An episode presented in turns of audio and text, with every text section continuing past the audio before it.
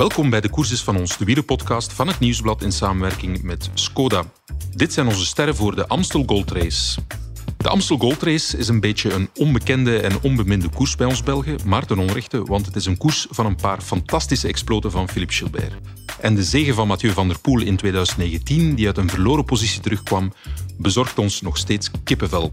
Vorig jaar leverde de Amstel een van de meest besproken finishfoto's uit de wielergeschiedenis op. Wout van Aert won de millimeterspurt voor Tom Pitcock. Je moet daar niet meer aarzelen natuurlijk. Maar er sluit veel voor aan. Het valt stil. De grote drieën zijn niet kunnen wegrijden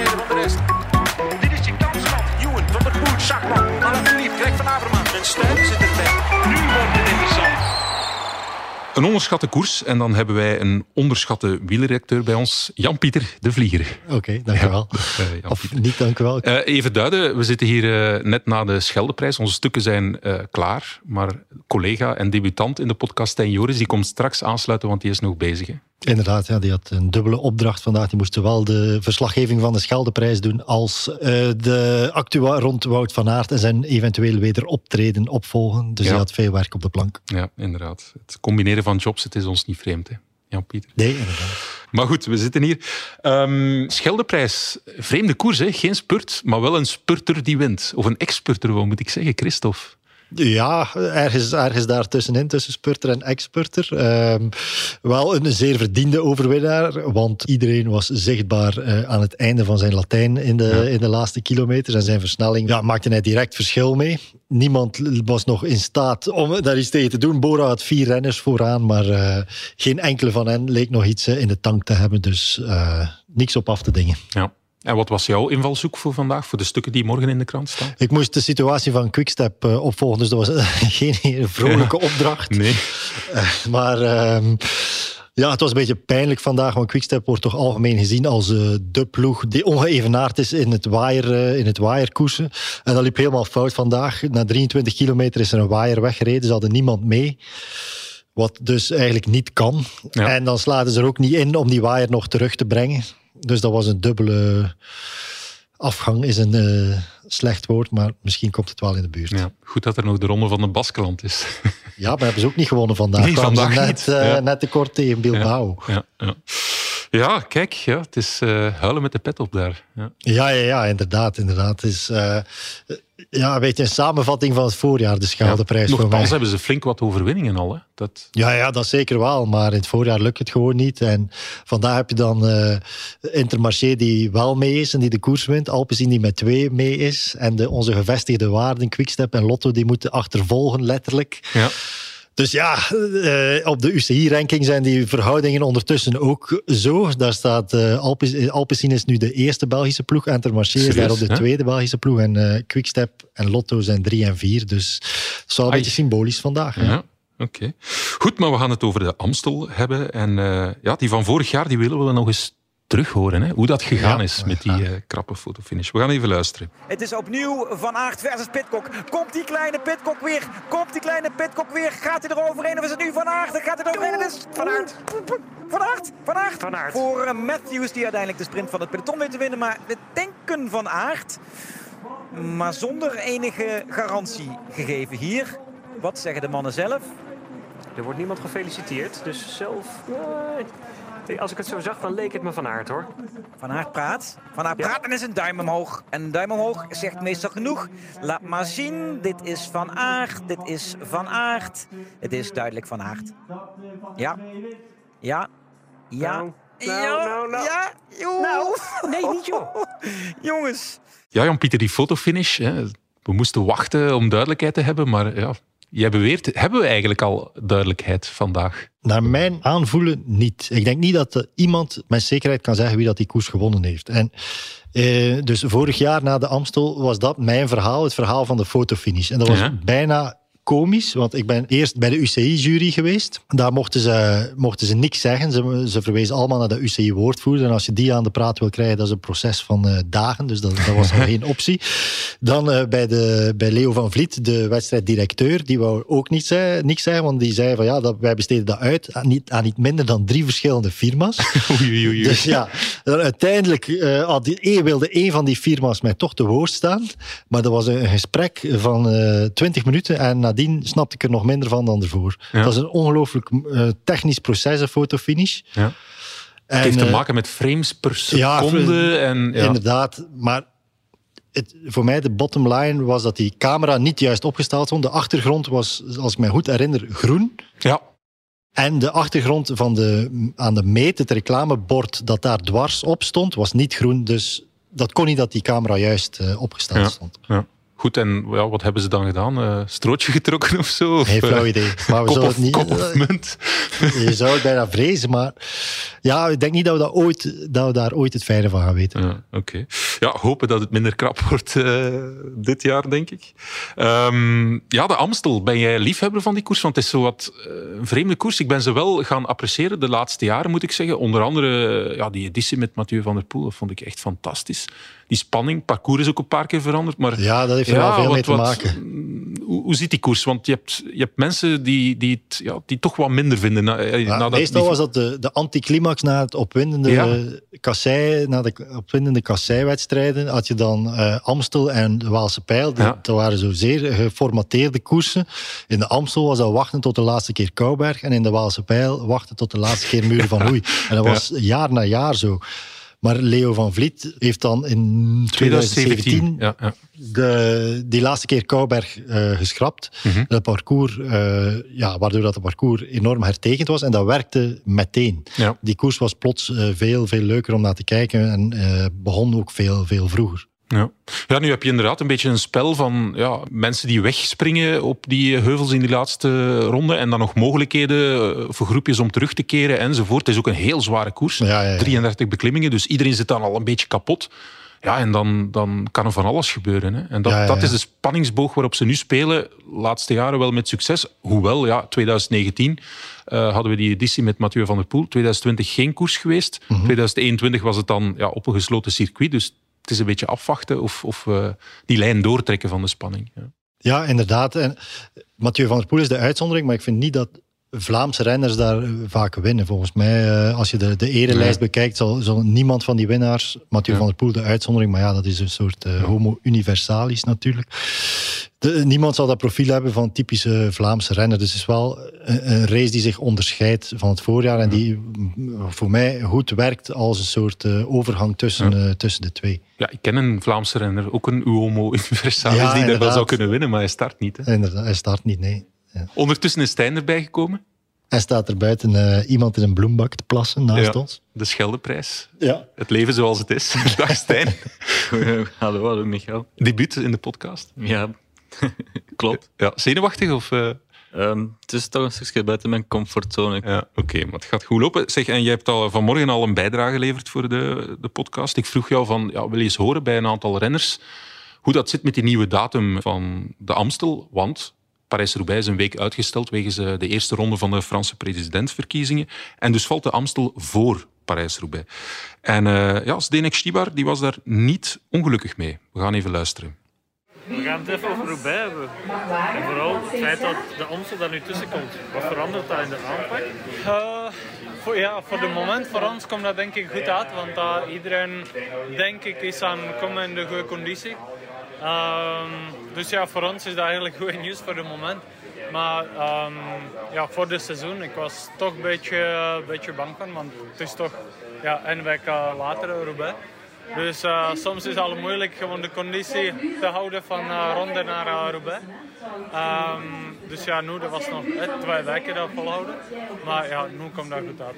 Jullie kunnen nog een week extra ritme doen, conditie aanscherpen? Of hoe zie je dat? Um, ja, door, ja, we zijn bijna allemaal uh, ziek geweest. Hè. Iedereen weet het.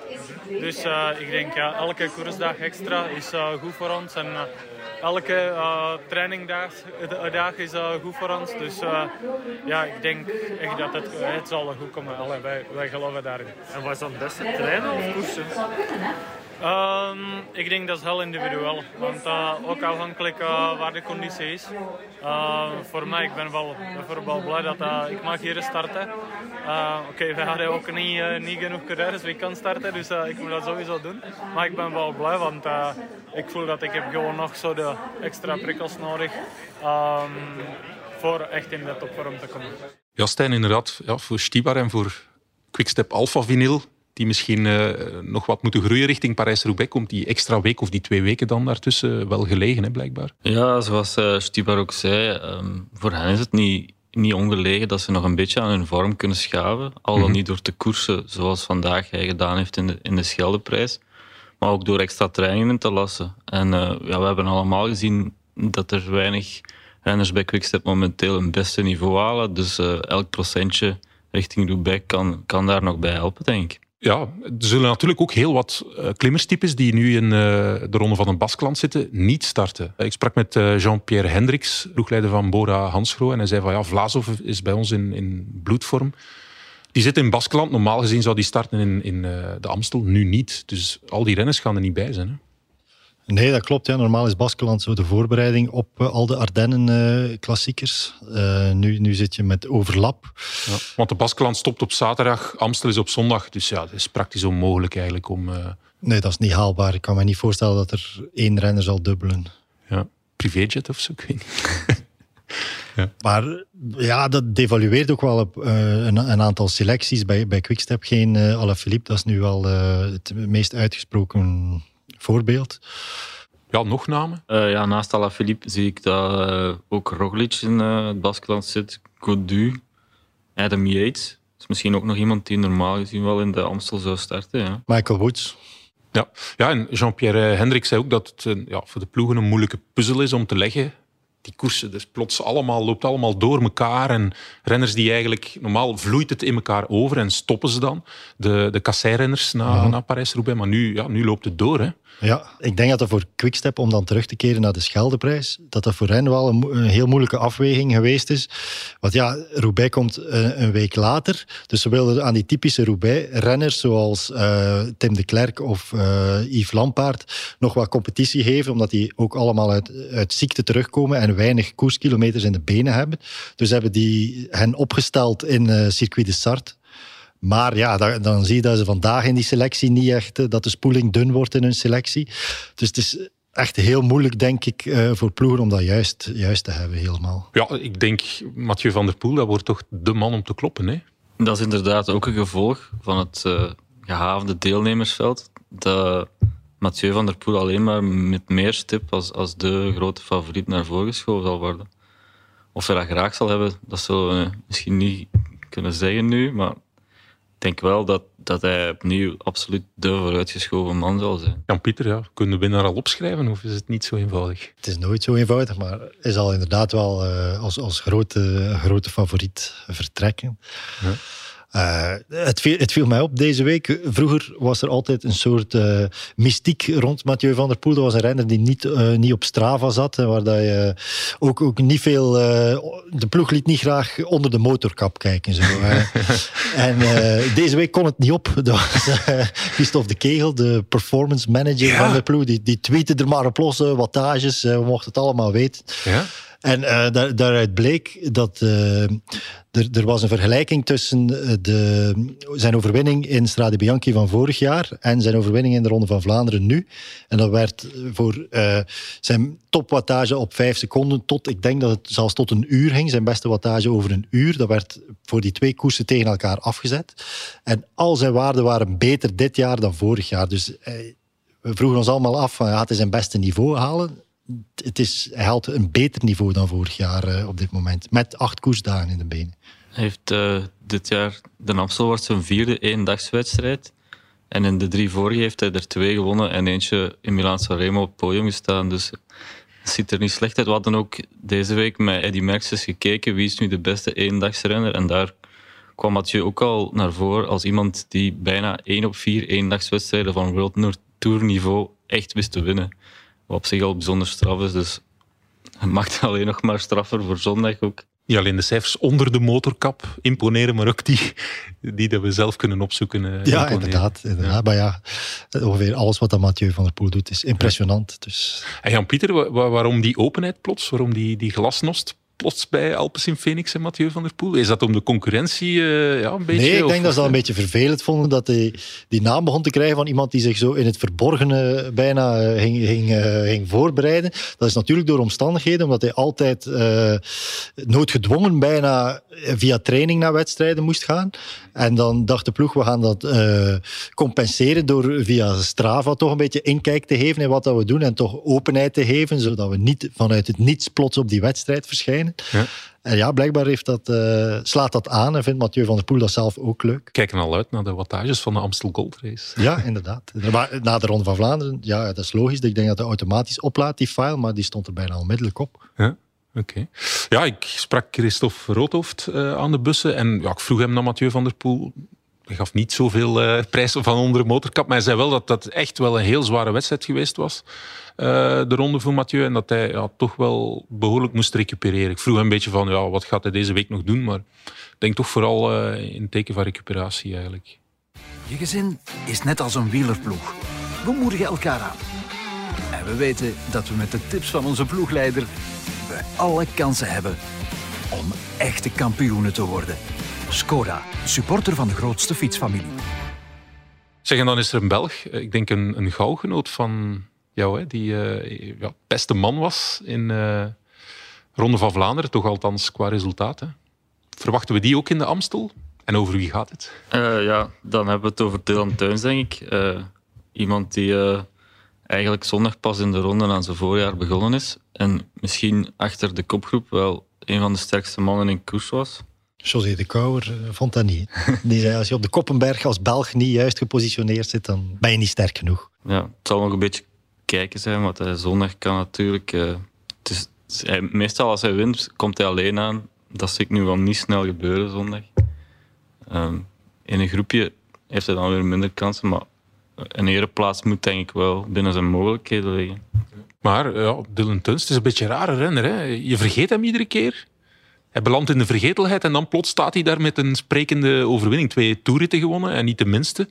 Onder andere La Planche de Belleville. Ja, inderdaad. Het is iemand die, makkelijk eh, uit het oog verliest en die een beetje onder de radar eh, passeert. Maar ook wel op dat per overwinning dat er ook een, een lange periode is over het algemeen waarin dat hij geen, geen Ja. resultaten haalt. Dus het ligt, het ligt niet alleen aan ons. Maar ik denk niet dat hij binnen eh, Bahrein de uitgesproken kopman gaat zijn. Voor mij is Moric eh, de, de man die de beste papieren heeft voor de Amstel. Ah, ja. Het is een rare koers, hè, de Amstel, eh, Stijn, op dat vlak. Ben jij fan? Ehm, niet noodzakelijk. Ik kijk al iets meer uit naar Parijs-Roubaix. Dat is eerlijk toegeven. Ehm, maar Parijs, eh, Amstel Gold Race liever heeft ons met in 2019 met Mathieu van der Poel natuurlijk wel een van de meest hectische en eh, fantastische finales ooit opgeleverd. Dus we zullen zien wat, eh, wat nu zondag brengt. Hè. Vroeger was het een beetje het clubkampioenschap voor de parcourswijziging, clubkampioenschap van Rabobank. Hè? Zo werd dat gezegd. Dat Ja, was het zo? ja, die- stonden daar toch altijd. eh, ja. Maar het is een zware koers. Hè. We hebben dus de hoogtemeters opgezocht. En eh, ja, het is toch wel iets, eh, iets zwaarder dan de Ronde van Vlaanderen hè, op dat vlak. Ja, we hebben gekeken en de ronde had zondag een kleine 2300 hoogtemeters. En de Amstel heeft er doorgaans 3500 ongeveer. Dus het is nog iets pittiger. De, hellingen volgen elkaar iets sneller op. En waar de ronde iets meer een koers is waar het in de finale losgaat, zit je bij de Amstel al, al heel vroeg met de eerste hellingen die op het einde van de rit natuurlijk nog iets meer doorwegen en nog meer pijn gaan doen. Een koers die pijn doet, Jan-Pieter. Ja, ik, ik ben zelf geen amateurwielrenner, maar ik heb vrienden die zo alle voorjaarsklassiekers ook rijden. En die zeggen allemaal de Amstel dat dat de zwaarste is van allemaal. Ja, kijk eens aan. Ja, kan het wel geloven. Sterke renner die gaat winnen dus. Ja, een sterke renner die niet aan de start staat is Wout van Aert. Eh Stijn, ja, je had vandaag nieuws te melden over Wout. Dat is ook de reden waarom jij langer in de perszaal zat te tikken. Wat is het nieuws? Wij gaan hem niet in de Amstel zien, dacht ik. Nee, de ploeg heeft eh, vanmiddag al officiële selectie bekendgemaakt. En daar zit de Wout, eh, zoals wel verwacht was, niet in. We hebben dan eens nagegaan of er een update was over zijn situatie. En eh, dan hebben we via de ploeg vernomen dat hij dinsdag volledig medisch gescreend is. Mhm. En dat alle lichten daar op groen gezet werden. En dat hij dus terug mag trainen. Ehm, hij zal dus vandaag misschien al op de fiets gezeten hebben, dat weten we niet. Of morgen voor het eerst. Ja. Wat dan nu de gevolgen van zijn, zal nog moeten blijken. Ik heb het gevoel dat de ploeg wel nog hoopt dat hij uh, Parijs-Roubaix haalt. En dat zal er nu van af gaan hangen hoe hij die trainingen verteert en, en welk niveau hij daarin gaat halen. Als hij terug dicht in de buurt van, uh, van de benen waarmee hij E3 won komt, dan is de kans niet onmogelijk on, dat hij toch in Parijs-Roubaix aan de start zal staan. Is dat verstandig? Want ja, er zijn uh, virologen met de naam ja. Mark van Rans die dat niet vinden. Die vond dat zeker niet. Ja. Nee, maar Stijn, je hebt ook met dokters gebeld daarover. Denk dat Stijn dat beter kan uh, vertellen. Ja, dat klopt. Ik. Uh, ik heb een paar uh, sportartsen gebeld. Onder meer Johan Bellemans. die vertelde mij dat dat niet risicoloos is, maar ook niet onredelijk om te mikken op Roubaix. Hij stelde bijvoorbeeld dat hij ervan uitging dat die testen nog niet aan een maximale hartslag gedaan werden. En dat dat toch even afwachten nog zou zijn, hoe hij daarop reageert. En of er dan cardiale afwijkingen zouden zijn, zoals dat heet. Hm. Dat de ploeg daar toch nog voorzichtig mee zou moeten zijn, volgens hem. En dat moet opvolgen. Uh, maar daar gaan we uiteraard vanuit dat ze dat bij Jumbo-Visma uh, als professioneel ploeg zeker gaan doen. Goed, tijd voor onze sterren. Ja, Stijn, het wordt een heel moeilijke, onvoorspelbare Amstel, zeker door het deelnemersveld. En dan ook nog eens door het feit dat we niet zeker zijn wie er allemaal aan de start gaat uh, komen. Hè. We beginnen met vijf sterren. Ik neem aan dat dat nog te doen is. Um, dat is vrij evident, hè. Uh, Mathieu van der Poel. Um, ik denk dat we hem deze keer zelfs zes of zeven sterren hadden kunnen geven. ja. In onze hoofden stikt hij er zo ver bovenuit zondag uh, dat we er echt wel van uitgaan dat hij een heel grote kans maakt om, om voor de tweede keer de goldrace te winnen. Ja. Als ze niet ziek wordt. Ja, dat moeten we inderdaad. Die slag moeten we van tegenwoordig altijd om de arm houden. Hè. Ja. Vier sterren, is dat nog te doen? Wij denken daarbij aan Pitcock. Uiteraard omdat hij vorig jaar uh, net niet gewonnen heeft. Of misschien wel toch gewonnen heeft. Uh, zullen we het vandaag nog altijd niet kunnen zeggen, denk ik. En daarnaast uh, ook omdat hij over een heel, heel sterk blok, ik denk het sterkste blok dat er zondag aan de start komt, kan beschikken met namen als Luke Rowe, ex-winnaar Kwiatkowski, Narvaez, Hater, Turner en Van Baarle. Het zijn eigenlijk allemaal jongens die, die, die wel aanspraak kunnen maken op één of meerdere sterren, denk ik. Mm -hmm. En de andere renner met vier sterren uh, denken wij voorlopig nog aan Valverde. Uh, het, hij zal voor de vijftiende keer uh, aan de start staan in de Amstel, als hij komt. En daar knelt het schoentje. Hij heeft niet meer gekoerst sinds eind maart. En het is nog maar de vraag of hij effectief naar Nederland zal afzakken dit weekend. Dus toch nog een beetje bekijken of hij start en in welke gesteldheid. Voorlopig hebben we daar nog geen nieuws over. Dat zal dus de komende dagen, tegen dat we onze definitieve versie van de sterren in de krant hebben, uitgeklaard zijn. Ja, ja dan komen we bij het, het pak, hè, het peloton. En dan wordt het denk ik moeilijk. Hè. Drie sterren, twee sterren. Wie komt daar allemaal voor in aanmerking? Ja, daar komt een hele hoop renners voor in aanmerking, omdat het inderdaad een deelnemersveld is dat dan niet uh, de absolute mannen die hebt die je daar verwacht van uh, zondag in de Amstel. Um, we denken daarbij voorlopig nog aan Valentin Madouas. Redelijk goed in vorm. Zondag nog op podium in de Ronde van Vlaanderen. Hij had ook uh, een sterke uitslag in E3 en dwars door Vlaanderen. En hij was in 2019 de editie die Van der Poel won op 23-jarige leeftijd ook al als achtste. Dus qua parcourskennis is het zeker goed. En ja, qua vorm duidelijk ook. Dus dat zijn twee factors die, uh, die serieus in zijn uh, voordeel spreken. Daarnaast zien we misschien nog Matthews, die ook een, een mooi lijstje aan uitslagen bij elkaar fietst. Hij is er altijd dichtbij en, en op zijn uitslagen afgaand zou je denken van hij kan eigenlijk winnen, maar alleen laat hij dan meestal na in de grote wedstrijden om het dan ook echt af te maken. Wie weet is het zondag toch eens aan hem. Ja, want vierde geworden in Milaan-Sanremo, elfde in de Ronde van Vlaanderen. Op zijn kousenvoeten toch wel mooie ereplaatsen. En uh, dit seizoen één overwinning geboekt in uh, de Ronde van Catalonië, de eerste rit. Dat is niet verkeerd, maar we moeten nog afwachten wat zondag gaat geven en uh, of hij echt gaat meedoen voor de winst. Daarnaast is het ook wel uitkijken wat Jumbo-Visma zonder Wout van Aert gaat doen. ik denk dat misschien wel Laporte de meest aangewezen man is opnieuw. Ja, die zou misschien wel drie sterren kunnen krijgen. Ja, alleen uh, heeft hij de Amstel nog nooit gereden volgens mijn uh, cijfers en statistieken hier. Ja. Dus dat is een beetje afwachten. Um, maar natuurlijk iemand die ook snel is aan de meet. Dat zal in deze wedstrijd ook wel best een voordeel kunnen zijn. Daarnaast hebben ze ook nog Ties Benoot.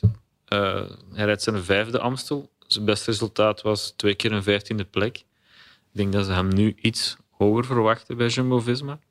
En uh, Tom Dumoulin, die zaterdag zesde werd in de Volta Classic en geleidelijk aan zijn niveau weer aan het opkrikken is met uh, in het achterhoofd nog altijd de Giro, denk ik. Alleen heeft hij de Amstel al uh, niet meer gereden sinds 2016. En zijn beste resultaat is, is zijn twintigste plek. dus ja. het lijkt niet echt de, de koers die op zijn lijf geschreven is. Maar mm -hmm. mag ons natuurlijk altijd het tegendeel bewijzen. Voilà, bij deze, als hij luistert. Vorig jaar stond hij in lederen jas hè, aan de zijlijn nog, hè, toen tijdens zijn uh, pauzes, denk ik. Ja, nog, zijn break, hè, toen hij er even uitgegaan is. Uh. Mm, nu in een koers tenue. Ja, zijn er dan nog echt outsiders? Dan denken we vooral twee of één ster.